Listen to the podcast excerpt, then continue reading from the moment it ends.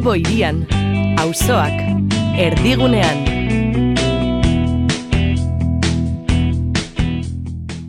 Eskerra, eskerra, ukabilkada Lanaren ekonomia. Kutsadura informatiboari aurre eginez, ekonomia gaiak jorratzen eta ulertarazten duen saioa. Bilbo iria irratia, hor dago eta argia, elkarlanean. Lanaren munduko analizia. Lagunak egan, ametsak egan, izkinan bertan, usta bildu, eta berriz bueltan. Denbora gelditzea bagenu, don't stop. Amodi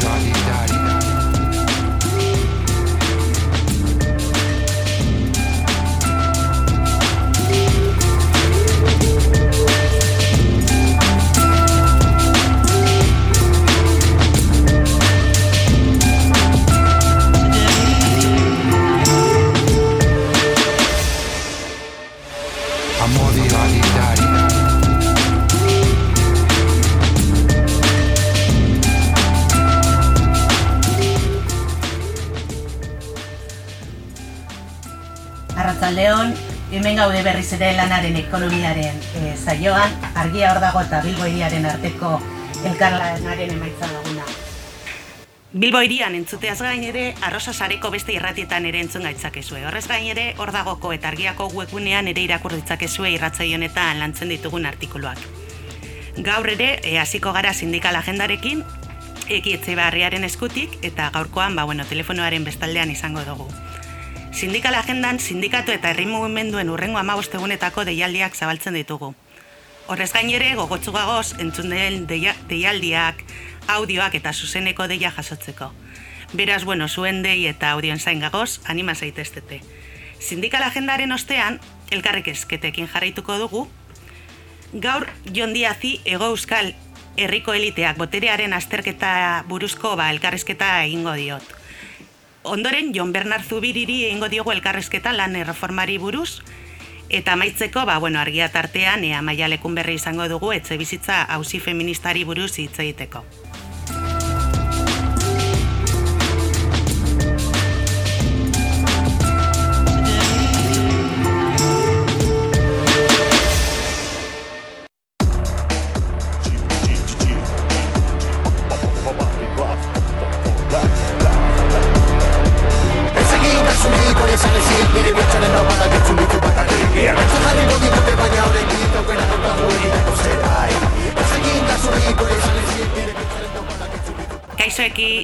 Bai?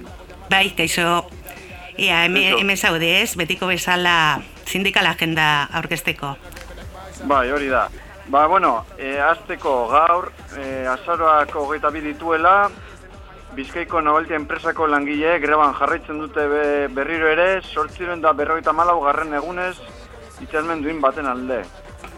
Gero, e, Bizkaian beti ere, Bilboko Guggenheim Museoko garbitzaileen kolektiboa greban dago, gaur egun da irugaita lau garren egunez, lan baldintza eta soldata duinen alde, eta baita soldata arrakalaren aurka. Gero, ba, Bizkaian jarraituta, Saratamoko eta Seberioko vulkanizador zuloaga enpresako langileak greba mugagabean daude ere, egun da hogeita malau garren egunez. Haurek ere, itxarmen duin baten alde. Gero, e, Nafarroara joan da, Kordobiako Zirmaut enpresako langileek greba mugagabean daude, azaroen lautik enpresak iragarritako hogeita mar kaleratzeak direla ta. Txardoia Otiz enpresako langileak grebaldi hasi dute, gaurtik abenduaren bederatzila, bederatzira arte, horrek ere lan baldintza duinen alde. Bizkaian ere, Orozkon, Artiatz Gaideta enpresako langileek lau orduko lanusteak egingo dituzte egunero, gaurtik hasita atzaren hogeita marrer arte. Lan baldintzak negoziatzaren alde. Ja, e, Gipuzkora joan, joan da, e, mugara, irungo muga pasatzen zaiatutako etorkinaren eriotza salatzeko, gizat kate egingo dute irungo harrera sareak eta endaiako zenbait eragilek zazpidetan Santiago Zubian bat egingo due, duten bidezoen biletetetik abiatuta hau da. Egongo da gitzakate bat eta ba, endaiatik eta irunetik eta ba, biak elkartuko dira Santiago Zubian. Eta gero, ba, Bizkaiko eskerraldean, ekologia e, espazio enpresako langia, greban daude, zazpigarren negurez, enpleguaren eta lan eskubideen alde azoren hogeta bostera arte. Jarri, jarraituz, e, bihar azorako hogeita iru, gazteizen, alta, altan bernedo, altan bernedo enpresako, enbe, ah, altan bernedoko enpresa batzorreak, zazpigarren grebana eguna izan e, deitu du, hitzarmen propio baten alde. Eta egunerako, azaroako hogeita bost, beste greba egun bat dute iragarri bihar e, oroskora bultatuta, MM Mercedaria Zibarrako langileak kontzentrazio egingo dute lan baldintzak berreskueratzearen alde, baina ez da izango Bilbon, oza ez da izango Oroskon, baizik eta Bilbon. Amaiketan, Bizkaiko batzar nagusieta. Gero, ba, Bilbon berriro, Bilboko ute taludezeko langileek elkarretaratzea egingo dute, itzalmen baten alde, ordu bat eta laurdenetan udaletzea. Eta etzi, azaroak hogeita lau, azaroak hogeita lau, kotxe karabena egingo dute, ordu batetatik, ordu bietara. E, ja, e, azaroaren hogeita bostera joan da, eguena, emakumeen kontrako, e, indarkaren kontrako eguna, bueno, e, gero egingo dugu de dari aldi horietaz, emakumeen indarkereri dagokenez, baina lehenengo esango ditut ze mobilizatu den lan mundua. Azteko ba, ermoan abeletzeko zarregoitzako langileak, ordubietatik irura eta laurdenetara, mobilizatuko dira lan baldintza duinen alde eta erabiltzaileen ongizateren alde. Gero, sakidetzako garbiketa kontratetako langileak ere mobilizatuko dira araban homologazioaren alde. Urrengo astetan beste herrialdetan mobilizatuko dira. Hau da, aztero, eguenero egingo dute mobilizazio bat e, ba, provintzia batean, eta azkenean ba, bukatuko dute mobilizazio bateratu batean. Eta ja, indarkeria matxistarekin lotuta. Indarkeria, e, indarkeria matxistaren kontrako eguna izanik, mugimendu feministak, hainbat mobilizazio ditu ditu Euskal Herrian zea. Baionan, zeiretan izango da, moraza, plazatik hasita. Bilbon, saspiterdietan, Jesusen bihotzetik. Donostian, zazpiterdietan ere, bulebarretik, gazteizen, zazpidetan, iparraldetik, eta iruñean, sortietetan, baluartetik. Eta gero, e, eguen honetarako, e, arrigorrako, abuso osoan, joaki e, indarkeria matxista sufritu izan duen, eta sufritzen duen biktima bat, bere alaba eta biloba, bilobarekin batera, etxetik kaleratuko dituzte, etxearen eh, erasotzailea e, ba, erabili deza. Noiz eta justo ba, inderkereren matxizaren aurkako egunean. Hori dela eta abusuko auzo elkarteak eta baltu elkar laguntasareak kaleratzea gelitzeko erresistentzera ditu dute sortziterdietan abusuko olatzuk kalean irugarren zenbakian. Abusu, bueno, jakin da abusu da Arrigorrega eta Bilbo artean dagoen eh, auzo bat, justo ba, kaleratzea hau izango da Arrigorriagako e, udale, udalari dagokion e, lurraldea, ez Bilboren e, zatian. Bon, jarraituta, azoreren hogeita bederatzean, astelena, urrengo astelenan orduan, debagoieneko esiko langileek, e, bueno, e, e, batez ere hainbat anestesistek, greba mugagabeari hasiera emango diote urrengo astelenean lan baldintza duinen alde. Azoren hogeita marrean, urrengo martitzenean, Bizkaiko harren kontzerbetako langileak greba doaz hitzarmena negoziatzeren alde.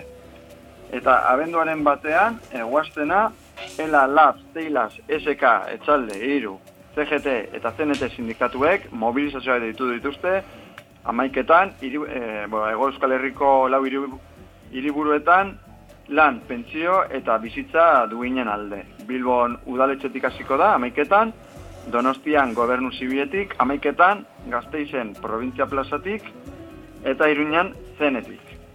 Eta, bueno, honekin bukatzen dut, e, hauek dira basarean aurkitu ditudan edo ditugun deialdiak, eta, bueno, ba, animatu e, eragilei, ba, deialdiak bidaltzera gure gure mailera, e, hau da gure emaila, lanaren ekonomia dana batera, abildua gemail.com. Lanaren ekonomia, abildua gemail.com.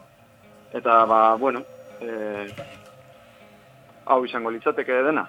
Bale, eskerrik asko eki gurekin parte hartze herrean. Bale, zuei, animo. Bai. Gure datuak eta bizitza Enpresei eman eman diegu Eta pantailan egiten jugu Keinuak gordetzen ditu makinak Gailuei eman eman diegu. Memoria gordeatzeko ala. Ta memoria galtzen ari da. Gure memoria galtzen ari da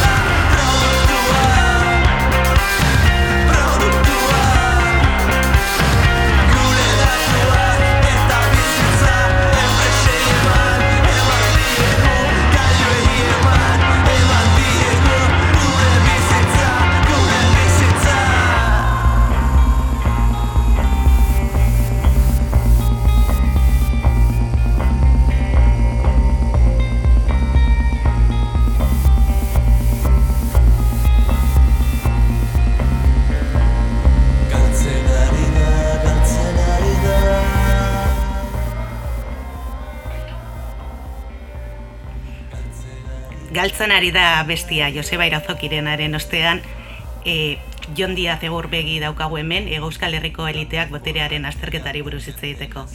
Kaixo Jon, Arratxaldeon, maitan, arratxaldean. bai, arratzaldean. Bueno, azterketa hau da azkenean Ego Euskal Herrian ba, gizarte eliteak e, zehazten digu.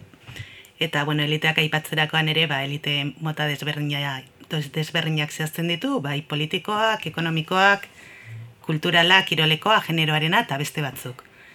Esan beharra dago ere baita ere, ba, bueno, ikerketa hau helburu handiagoko ikerketa bat dela, eta hau lehenengoa dela, eta, bueno, ba, e, aurre ikusten du, duzuela, bueno, taldekoek, ba, 2008 bosterako, ba, ikerketa sakona ba- bat izango duzuela, ez?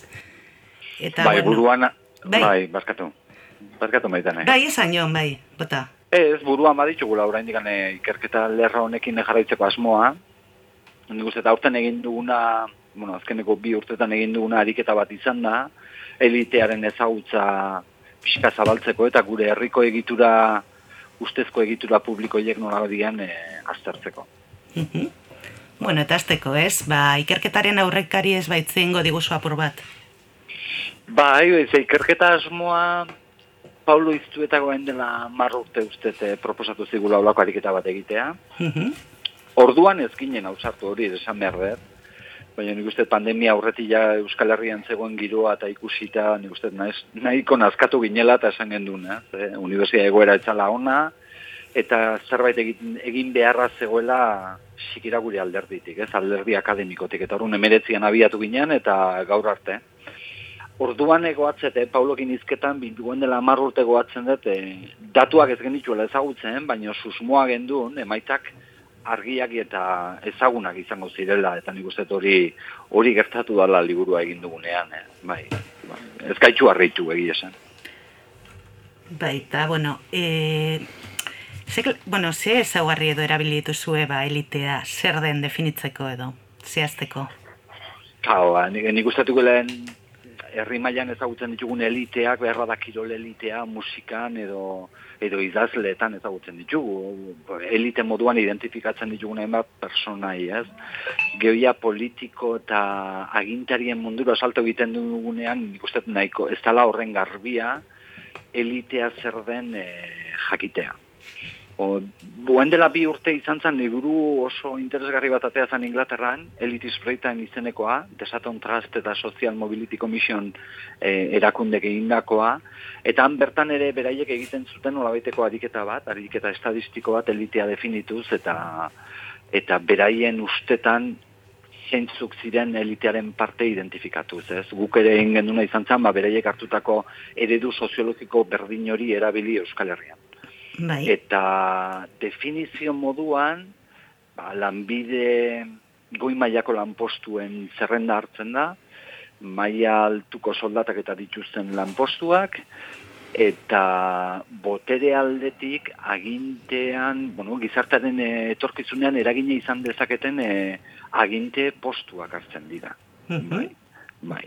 Sakonean elitearen barruan ez zer dagoen, bo, nik uste eta azterketa egiten dela, ba, betikoa soziologian egiten dela, ez? Kapital kulturala, kapital ekonomikoa eta kapital sozial hori aztertzen da, eta elite horietan direnen, e, bueno, ba, azterketa sozioekonomikoa eta kulturala az egin, ez? Ba, gure maila batean saiatu geran egiten. Bai, esan duzun bezala ez, kapital ekonomikoaren azterketa edo, bueno, baldintza egin dozu ez, eta eta hau ze- zelakoa izango litzateke edo, ze, ze mailatakoa? Bueno, ba, kapital ekonomikoa zertzen danean, ba, de- de- denetik egin dugu, ez? Baina, ba, badira alderri batzuk ezin izan ditugunak aztertu. Adibidez, Mhm. e, e, Euskal Herrian e, eraginen duten lobien, eta lobby horiek zuzentzen dituzten pertsona horiek ez ditugu ikertu, ez? Eta bankeruak eta ere ezin izan ditugu aztertu, baita ere esan nahi nuke ere, erakunde publikoetan baita ere hainbat e, i, argilune topatzen ditugula, ez? Erakunde publikoak ez dutelako informazio guztia banatzen, banatzen eta identifikazio egiteko garaian ere utxuneak geratzen zaizkigula, ez? Enpresa pribatuen mundua da beste iluntasun asko dituen e, e, pf, egitura bat, E, baina, bueno, baina gero harremanetan bai ikusten da elite politiko eta ekonomikoien artean, ba, hainbat enpresetan diren e, administrazio kontseiluetan nola hartzen duten parte, eta bai oso kuriosoa da, ez? Naiz eta guk beti elite ekonomikoarekin lotu, ba nik uste dut elite politiko ekonomikoaren harreman horretan sakontzen duela ikerketak eta bai eta ikusten dira izendegi aztertzen danen ikusten dira harreman horiek, bai. Naiz eta esan dudan bezala bankeruena ezin izan dugun aztertu, eh? Mhm. Baina azaltzen dira tarteka, bai. bai. Bai, komentatu Bai, zu bai. duzun bezala, ba, bueno, azkenean azterketa edo ikerketaren oztopoak, ez? Eta, bueno, beste, beste oztopo gehiago izango zenuten, e, azkenean ikerketan e, komenta aldituzu, ba, pare bat oztopo edo. Bueno, oztopoak zailtasunak esango nituzkenik, Mhm. eh, informazio publikoa topatzeko garaian, ba, aginte organoetan direnak, ba, ba naiz araudiak eta izan, informazio banatzeko, edo eh, herritarrekiko harreman hori aukera izatea ez, herritarrekin harremanetan jartzeko, ba, ez da betetzen. Ez da betetzen, eta hortikan ere zailtasunak izan ditugu, ez. Alare informazio bilatzeko garaian, bueno, ba, erabilitxun tresnak ez dire bakarrik ofizialak izan, baizik eta norberak e, ba, LinkedIn bezalako plataformetan e, e, jartzen duen informazio ere erabili dugu, ez? Nik uste ez dugula oraindik komentatu, baina esan behar dana da, egin duguna izan da elitearen e, background e, e, akademiko hori aztertu dugula, ez? Orduan, eliteak dituen ikasketak aztertzen saiatu gera da, ez? Orduan, batipat unibertsitatera mugatu gea, ezin izan dugulako bigarren hezkuntzako em, azterketa hori burutu, baina unibertsitatearekin nahikoa da, ez? Eta unibertsitatean, ba ego Euskal Herrian ze unibertsitateko zeintzuk duten eragin gehien aztertzera jo dugula, ez?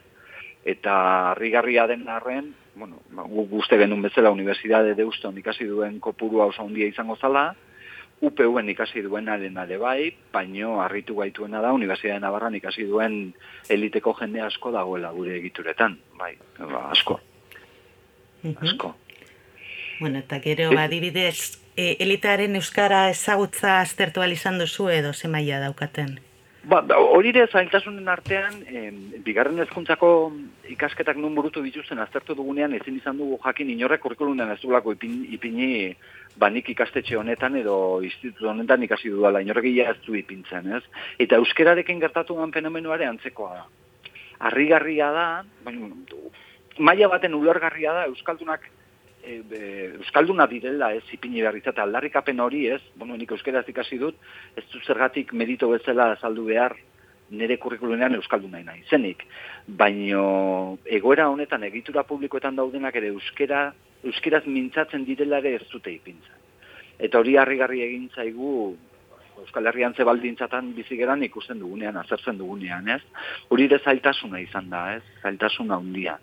Bai da egia hezkuntzaren azterketa osoa burutzen danean, hezkuntza sistemaren azterketa burutzen danean, bi leia horiek aztertu nahi genituen bi auzi horiek garbi azaltzen direla, ez?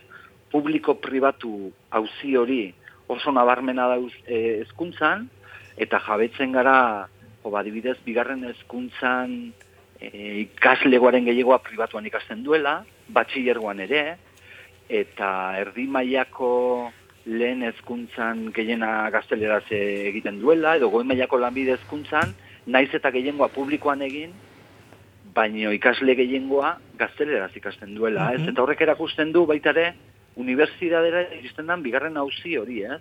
Euskeraz jende asko ikasten du, ala da, U, Unibertsitate publikoaren datuetan azkeneko panfletoan esaten zuten ia ikaslegoaren erdiak ikasten zuela, ikaslegoaren erdiak ikasten zuela euskeraz, baino orokortasun batean Euskal Herrian eta EAEen azterketa egiten danean, e, datuek ez zute hori erakusten, datuek erakusten dute ikaslego gehiengoa gazteleraz ikasten duela unibertsitatean.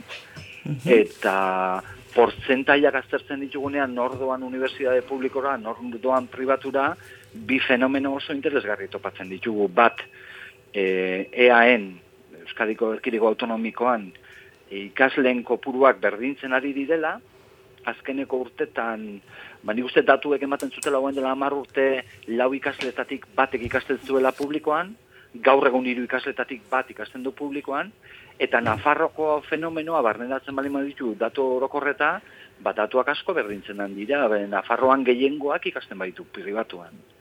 Eta hori dia bi hauzi nagusiak, ez?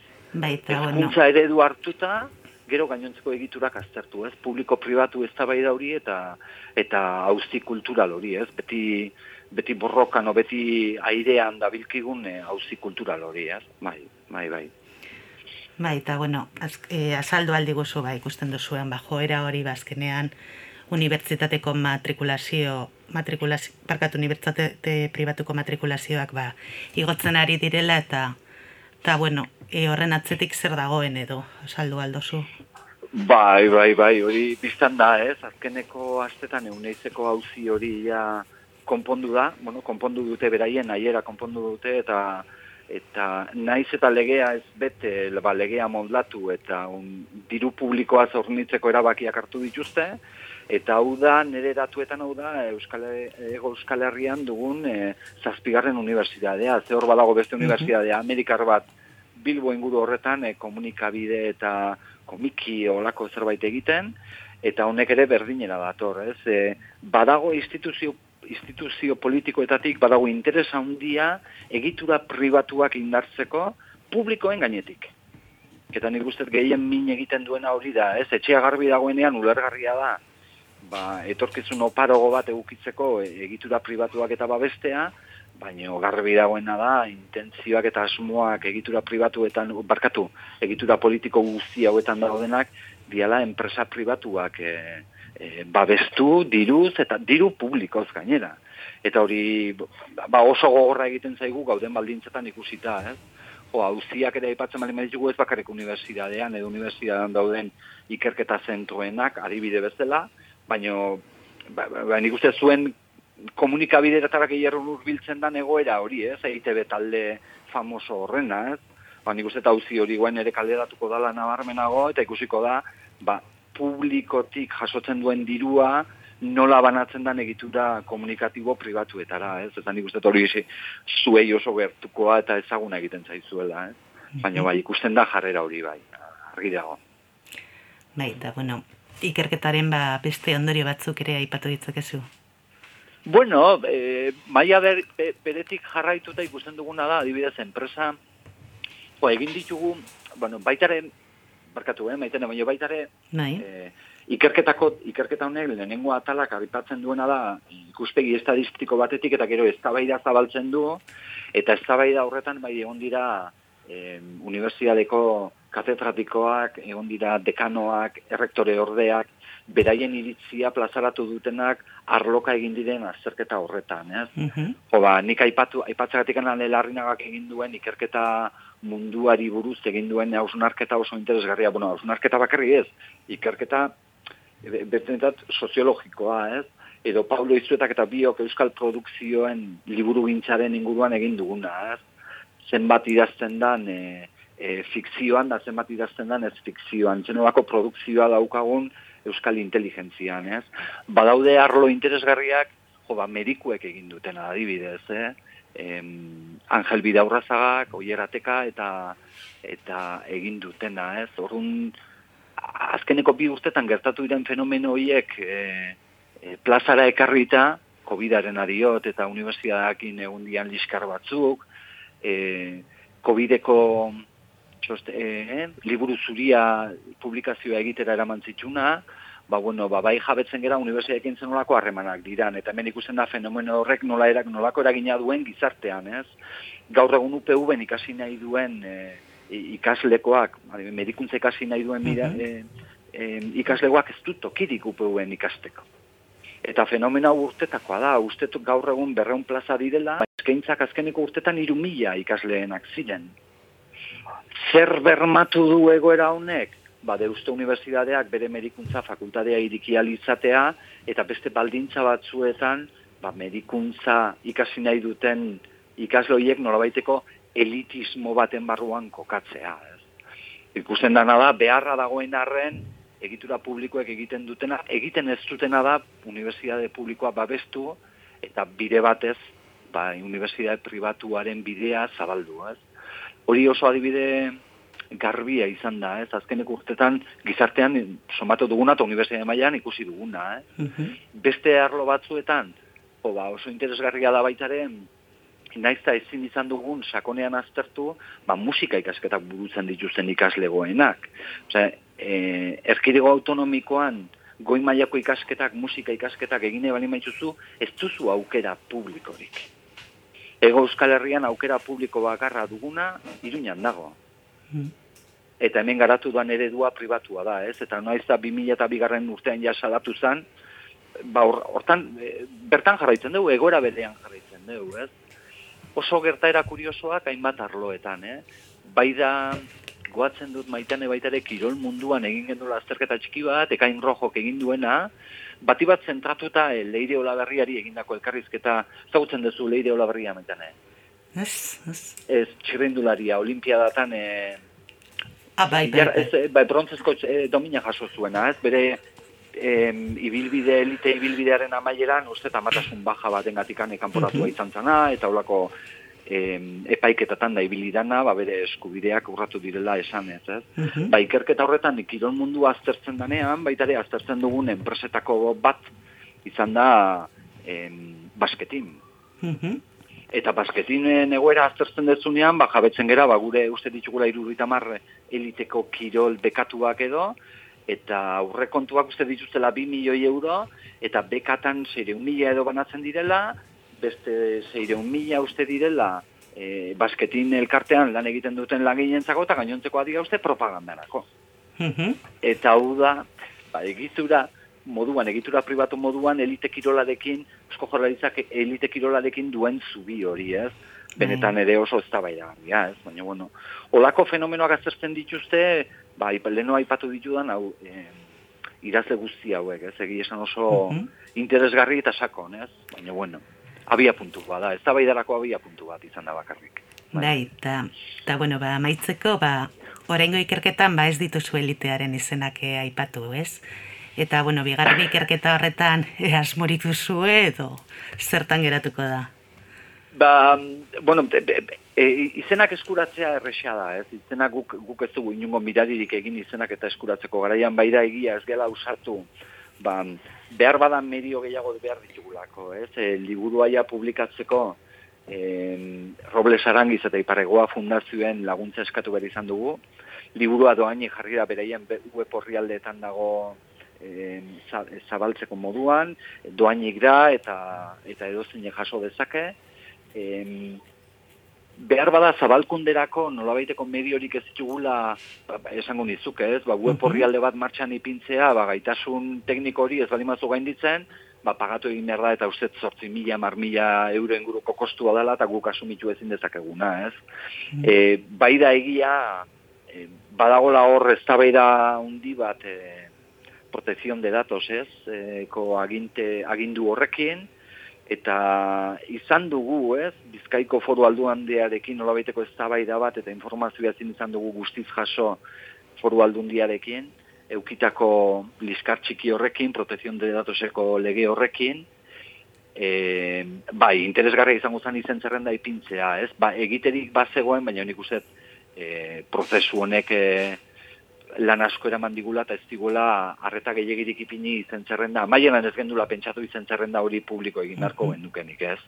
Hala ere nik uste edo zinek hartu ditzazkela, ez? Politikoen zerrenda hartzen dezunean datu publikoak dira, ez? Askotan ere baitare, beraien ekonomiaren e, em, e, datuak ere ematen dira, behar bada kurrikulunarenak ez horren garbi, asko aldatzen direlako, ez dagolako eredu berdin bat guztientzako, baino, baino datuak eskuratu litezke. Behar, bai enpresa munduan diferente xamarra da, eta bai beste formato batzuk eta azertu behar dira, leheno esan duan bezala LinkedIn edo, baina bai, bai nik uste te bost urte barru egiten dugunean ja bigarren azterketa eta konparaketa zabalago bat eta prozesuan neurtzen dugunean urrengo bost urtetan zenolako bidea eraikitzen duten aztertzen dugunean, nik uste publiko egin beharko litzatekela datu, datu guzti horiek, ez? Nik ala hori iruditzen zaitu, nik uste te transparentzi edo gardentasun ariketa badala, ez? Inglesek oso ondo betetzen dutena eta gu oraindik oso urruti gaudena. Bai. Bai, bai. Ba oso gogotzu gongo gara datu horiek eh, irakurtzeko eta jakiteko eta, bueno, eskerrik asko ion, eh, azalpen ederra gatik. Eskerrik asko zuei, ze gure lanketa txikia egin dugu, gu ez gezabalkunderako Mhm. aukera ondirik ez dugu, orduan zuek eskenetako ate honegatik eh, eskerrak eman, eh, ez ne partetik barkarrik, baizik eta guztion partetik. Vale, bi esker. Mi esker arte. Zain du, gero arte.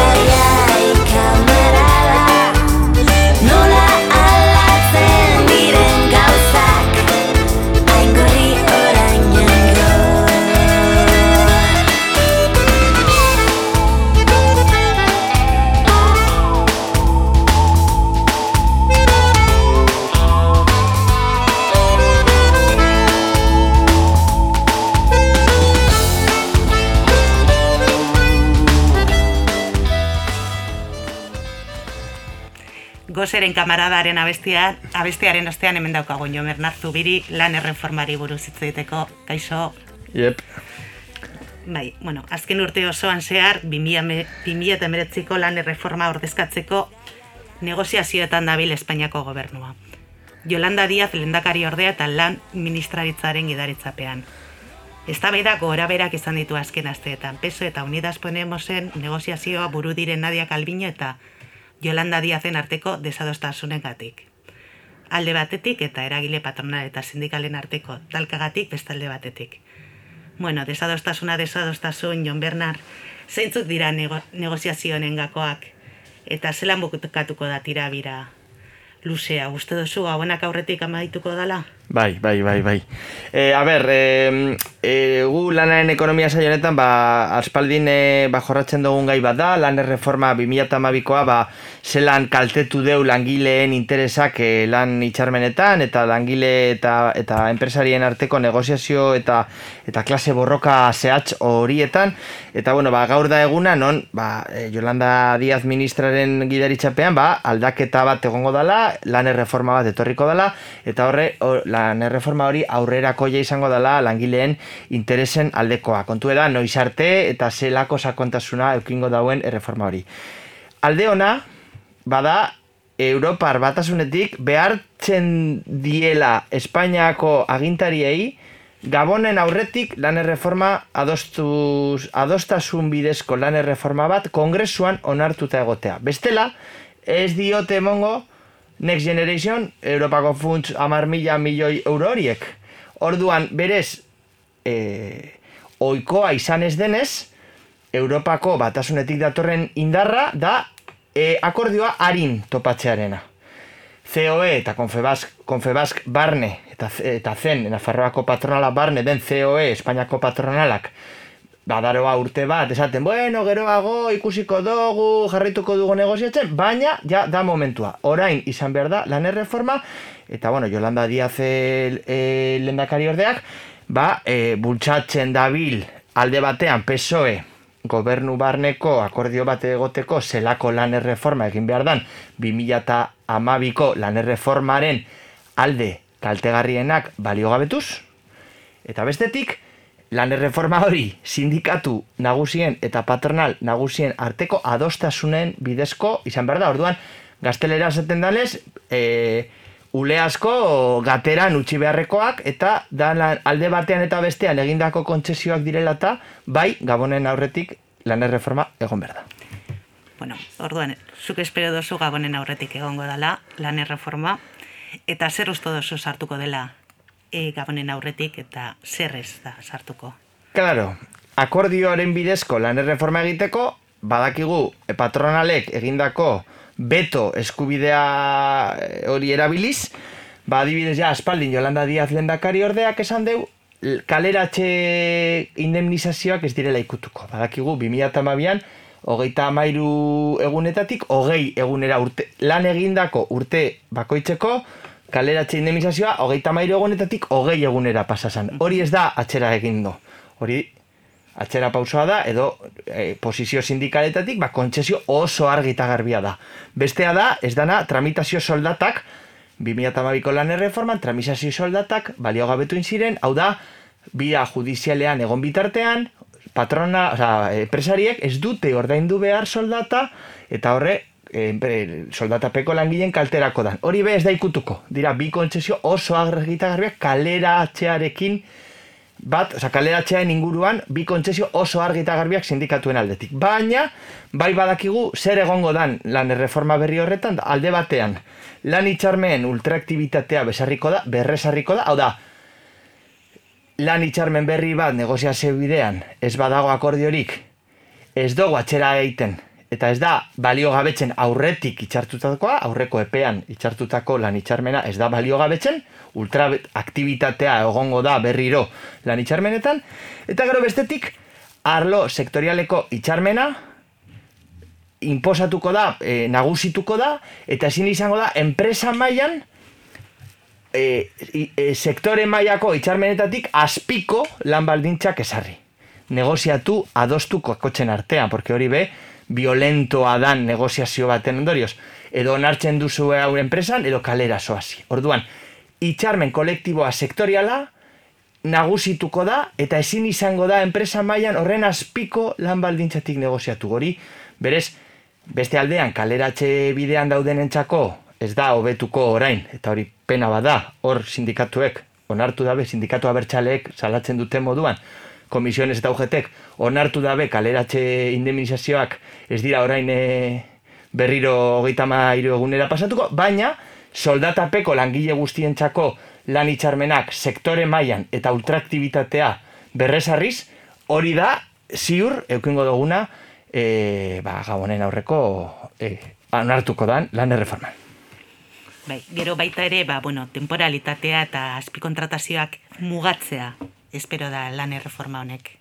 Bai hori, Jolanda Díaz lehendakari ordeak eta lan ministrak aspaldin esan deu, ez da bakarrik terminologia kontuak 2008ko lan erreforma balio gabetu edo lan erreforma berri batean beste kontu batzuei buruz ez da bakarrik 2008ko alde batzuk balio gabetzea importantea dana 2008ko lan erreforma PPK egindakoa oso kaltegarria izan da langileriaren txat baina badago bebai 2008 aurretik egon diren kontu batzuk, ez da, egon hemen paradisu, langileentzako paradisu bat, 2008ko lan erreforman aurretik. Orduan, dago bi kontu, non Yolanda Diaze komprometidu da sindikatuekin muga berriak esartxera. Bat da, temporalidadea mugatzea, Espainia da Europako herrialde gehien dakona, langile behin-behinekoak eta temporalidadean daudenak. Gehiena, Errumania, Polonia, Jugor, em, em, horiek danak Eslovakia, Eslovenia, eta horik baino askoz gehiago. Orduan, hori jabe bai, Europar bat, batxordetik, badaudela Espainiari esaten, mugatu behar dela temporalidadea. Eta gero beste kontu bada, Espainian ja desfase badana, da azpi kontratazioarena.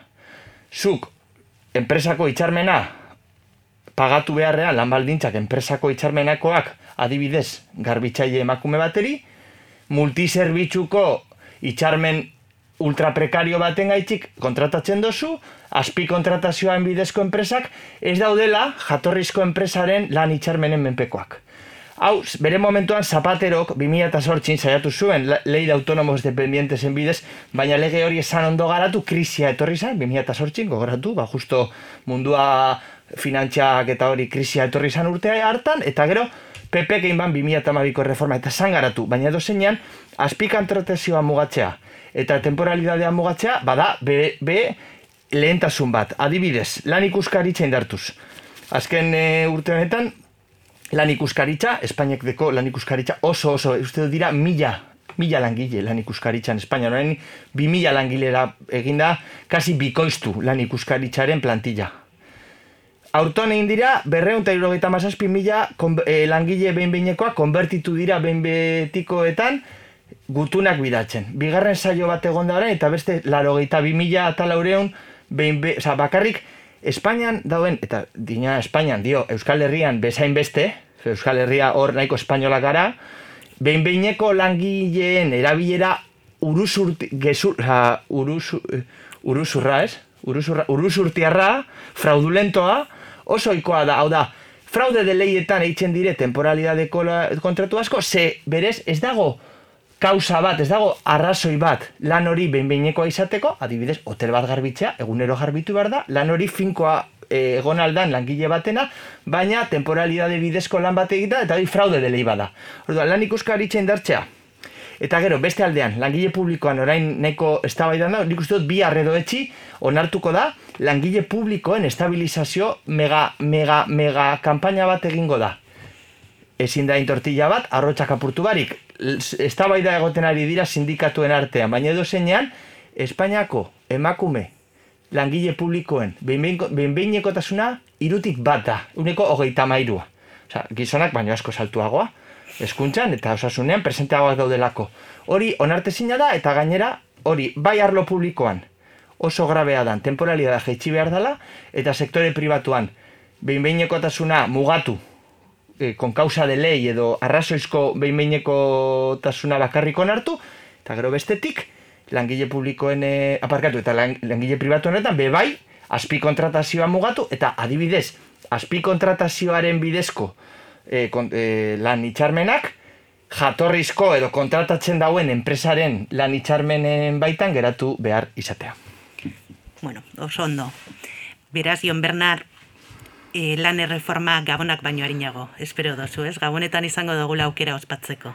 Ba, bitxu, nik ez nuke esango indela amar urte, e, izango zala Europar batasunak behartuko duena Espainiako estatua, Espainiako estatua, eta horren barne dagoen jeltxaleen e, negoziatzaile alderdi e, nazionalista, berez gaur egun Europako diru laguntza jasotzeko ezinbestekoa dugu lan erreforma bat egitea, eta datorren urtea, osea, da, 2022ko amaierarako, e, Europatik esaten deu, Espainiako behinbeineko tasa euneko sortxitik bera pasa behar dala. Hori da oso zaila ezin da dekretatu, hau da, ezin da egiturazko arazo bat e, konjunturalki e, konpondu, orduan bai arlo publikoan estabilizazio kanpaina masiboa, eta bai arlo pribatuan mugatzea, temporalidadea, eta mugatzea azpikontratazioa, Hombre, ba, bai, e, ela eta lapek esaten duena, sakonago eta hobeago izango zala, baina edo zeinean e, aurrera pauso handi bat egitea arlo horretan ikuste dut oso ona izango dela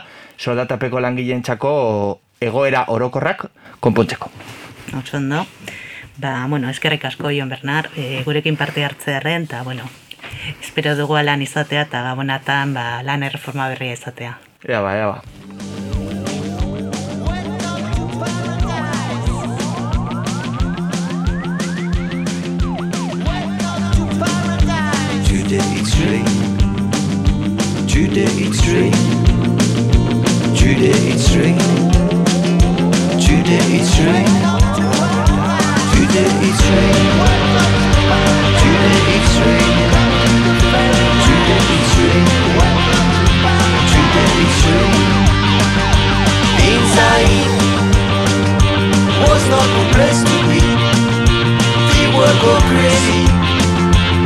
An atrocity in Congo.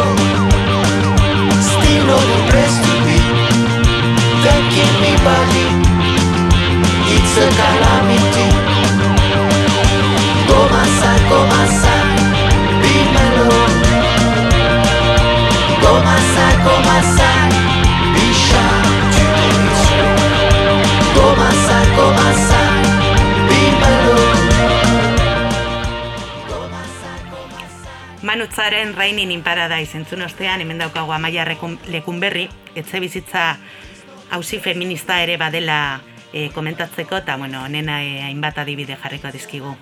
Kaixo amaia, Haupa, arratzaldeon. bai, ea. Garai bateko Bilboko txabolismoaren kasua ere hausi feminista ere badela e, esango genuke, ez da, amaia? Barkatu ez, dutute hasiera entzun. Bai, garai bateko Bilboko txabilismoaren efektua edo kasua ere, ba, bueno, hausi feminista, e, feministatzat argenezakela. Bai, bueno, eh, aipatzen dute, ba hori, aipatu duzuen eh, analisi horretan etxe bizitza duzi feministan, ba bueno, abiatzen dut hausnarketa hori, eh, orain dela ba, aurreko astien edo, eh, Inigo López Simonek eskainetako elkarrizketa batetan esan ban kontu batekin ez, eta bueno, ba, eh, Inigo López Simonek eh, bueno, ikertu dau Bilboko txabolismoan eh, fenomenue, Eta, bueno, e, hor, ba, ba, hainbat kontu interesgarria saleratzen zituen, eta bestie beste, ba, bai azpimarratzen ban, bera zelan konturatu zen, ikerketa hori einala, ba, oso garrantzitsu ezala, e, txabola horretan bizi zen zien, emakumien testigantza jasotzie, ze, bueno, azken finen, e, garai horretan, ba, hori, e, lana, e, sexuaren araberako lan banaketa tarteko, eta, ba, bueno, gizonak e, eguneko ordu asko pasatzen zituezen lantegisen, baina emakumie kontrara ba, lanan ardu, e, etxeko lanan ardura zeukienez, ba, etxeko lan erreproduktibotaz eta arduratzen ziren. Orduen eurek ziren, ba, hori oso gutxi ateratzen ziezenak e, txabola hausuetatik, bakarrik ba, erosketa itxera edo e, konturen bat edo beste itxera, eta gainontzeko denpora guztixe eguneko ordu geixena bertan ematen zituen, ez? Orduen, hori, ba, inigo kaipatzean ze, ze garrantzitu esan, ba, e, txabola horretan hainbeste denpora emon ben jende horren e, testigantza jasotzie. Hmm. Bai, eta orduan, ba, bueno, Bilbosko txabolismoaren, bueno, kasuaz gain ere, ba, bueno, ere badago Katalunikoa giza, giza eskubideen behategiak eta hipoteke kaltetutakoen plataformak egindu ikerketa bat honen iringuruan, eta ere, ba, bueno, e, adibide bat ere da, ez, aipatzeko. Bai, behategi horre, bueno, hainbat aspektu mai gaineratzen ditu, eta bat da, e, ba hori, zelan e, etxe bizitza borrokan feminizazio bat emoten dan, eta e, arrazoietako bat plazaratzen dabe dela, ba, bueno, bizkal lotura itzen dabena, inigo Lopezek zaten ban horrekin, ez, azken zinen, emakumiek naiz eta gaur egun la merkatura salto egin duguna e, askok, ba, bueno, e, ondino be, e, gara geixen bat kargutzen garenak e, lan erreproduktiboetaz, eta, bueno, ba, azken finean e, e, lan erreproduktibo horrek gure gan hartzeko joera horrek eruten gaitxula, ba, etxe bizitza arazo baten aurrien gauzenien, ba, emakumiok izetera, ba, arazo horri aurre itxeko, e, ba, hori, e, indarrataratzen da benak. Eta gero, behategi, behategi horrek plazaratutako txostenien bebai, epatze ban, horretaz aparte, ba, bueno, etxe bizitza arazuek eta etxe bizitzan aldeko borrokak emakumeen e, emakume horpegixe baldin badauke dala horretaz aparte bebai eta horrekin batera segun honi begitzen dan e, emakumeo ba, prekario hau gazelako ez? Eta bueno, e, hor datu oso esanguratzu bat plazaratzen zen eta zen e, norbanako diru sarrera begiratuz gero ez familia batenak. E, ba, bueno, emakume emakumien euneko berrogeita bederatzi ba, pobrezia arriskuen egongo litzakela ez? Orduen ba, emakumiok asko zaiago daukagu etxe bizitza gaztuei aurre itxeko, etxe bizitza, etxe, etxe bizitza bat mantentzeko, ba, bueno, prekario, prekarixu hauek garelako ez, eta, bueno, beste kontu interesgarri askoren artien, e, hori jasotzen dut txosten horrek. Bai, eta, bueno, zango genuk ere are gehiago, ez? Gu, e, gure bai. gaitasun ekonomiko urriagatik edo txarragatik, ba, emakume askok ere batratu txarra jasotzen dituztela, ez da? Bai, hori da, bai, hori aiztu jate pa esatie, baina bai hori da beste realitate bat bai, ba, e, ez daukegun ez e, kaudimen ekonomiko nahikorik zarri, ba, gure kasa bizitzeko, ba, emakume asko ikusten diezela zarri askotan, ba, euren tratu txarrak emoten dutzien pertsonekin teiatupe berdinen e, bizitzen. Bai, eta bueno, horren adibidere badaukago, ez, Bilbon, Joakiren kasua, ez? Hmm. Bai, azken finean, bueno, idatzi hau bai e, elburuetako bat bai bazan biztaratzi e, e, idatzi honekin, ba, bueno, etxe bizitza borroka, feminiza, borroka feminizatu dela, eta parte, ba, bueno, ma, e, etxe gabetziek, etxe bizitza arazuek, emakume horpegixe daukela, baina eraberien be bai, ba, e, elburu bat idatzi honekin zana zan, bizkate e, abizu emotie, ostegun honetan, justo azaroako gita bost, emakumeen kontrako indarkeriaren aurkako nazioarteko egunien hain justu be, ba, bueno, daukegulako abuzun e, joakiren etxe kaleratzia, joaki, bueno, bertan azaltzen da, eta joaki batu elkar laguntza zareko kide da, informazio geisha nahi izatera justo gaurre atera dabe joakiren testigantzarekin bideo bat, eta oso motien azaldute, ba, bueno, joaki bere zazoien, bere gizonak tratu txarrak emote eta, ba, bueno, e, banandu zen, eta banantze horretan e, etxe bizitzan erabilera emotzen gizonari ez. Orduen bera gaur, ordundik bizi izan da gaur arte, bere alaba eta hilobekin. Etxe horretan, baina tratu txarrak emote zen gizon horrek, behin genero indarkeri delitu hori e, ba, preskribatu danien, jarri dute zalaketa bat, eta epaiek agindu dau, bueno, epaiek e, tratu txarrak emotetzen zen gizonan aldein dau, eta agindu dau joakin etxe kaleratzia, eta, ba, bueno, e, oso simboliku da etxe, ja, etxe kaleratze horren data dela zaroan hogeita bosta, eta, bueno, ba, aprobetsatu nahi neban idatzi hori, bizkat, kasu hori ezagutzera emon, e, deialdi itxeko etxe kaleratzie geratzera, eta hausi feminista dela azpimarratzeko, ze, bueno, uste dut feminista bezala, eta e, egun horretan hain justu be, badauke gule eginkizun bat, e, joakiren etxe kaleratzean aurrien. Bai, ba, landa ez, eta emetik bebai ba, animatzen dugu ba, denok urbiltzera etxe gabetze kasuenetara, bai? Ba, Hori da, bai. esker, ramaia. Zuei, agur. Na, urren arte. Lanaren ekonomia. Kutsadura informatiboari aurre eginez, ekonomia gaiak jorratzen eta ulertarazten duen saioa.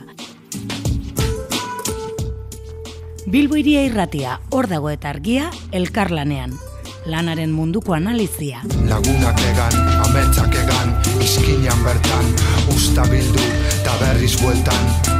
Denbora gelditzea bagenu, don't stop. Amodi baditari.